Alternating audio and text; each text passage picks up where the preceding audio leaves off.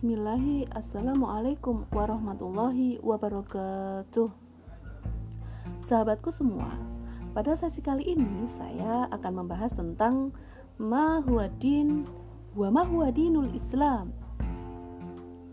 Nah, di dalam himpunan putusan tarjih tahun 2000 disebutkan bahwa Ad-dinu huwa ma syara'ahullahu ala lisani anbiya'ihi minal awamir wan nawahi wal irsyadat li solahil ibadi dunyahum wa ukhrahum.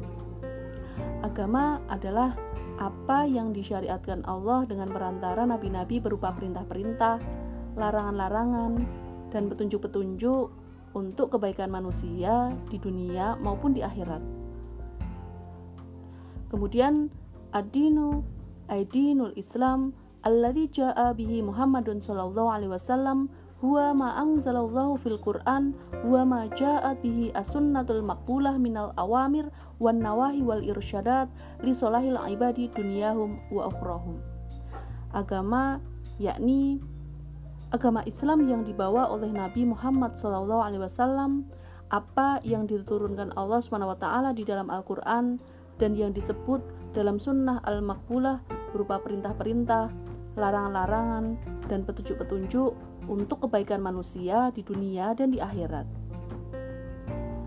Saya ulangi sekali lagi, untuk kebaikan manusia di dunia maupun di akhirat. Nah, kebaikan nyata dalam pengertian paling luas adalah hidup baik. Yang di dalam Quran surat An-Nahl ayat 97 disebut hayatun toyibatun dan ada lima ayat di dalam Al-Quran yang menyebutkan tiga indikator hidup baik. Yang pertama, hidup sejahtera. Lahum ajruhum inda rabbihim. Yang kedua adalah hidup damai. Wala khaufun alaihim. Dan yang ketiga, hidup bahagia. Walahum yahzanun. Maka dari itu, Islam disebut agama peradaban, din wa nikmah atau agama dan anugerah.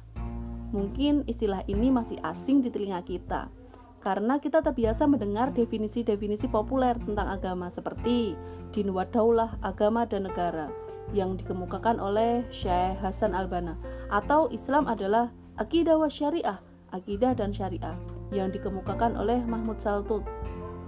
Terlepas dari dua definisi populer itu, kembali kepada din wa nikmah yang kedua komponen ini ditegaskan Allah dalam Quran surat Al-Maidah ayat 3 Al-yaumu akmaltu lakum dinukum wa atmamtu alaikum nikmati wa raditu lakum Islam adinan.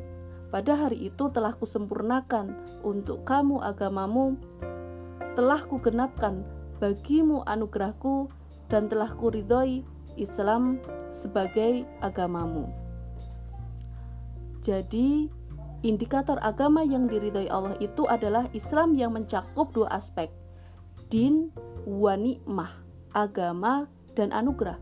Maka, apabila agama yang dikembangkan umat tidak meliputi keduanya, hanya salah satunya saja, din saja atau nikmah saja, maka sebenarnya itu tidak sesuai dengan Islam rahmatan lil alamin yang diajarkan Al-Qur'an dan didakwahkan Rasulullah SAW.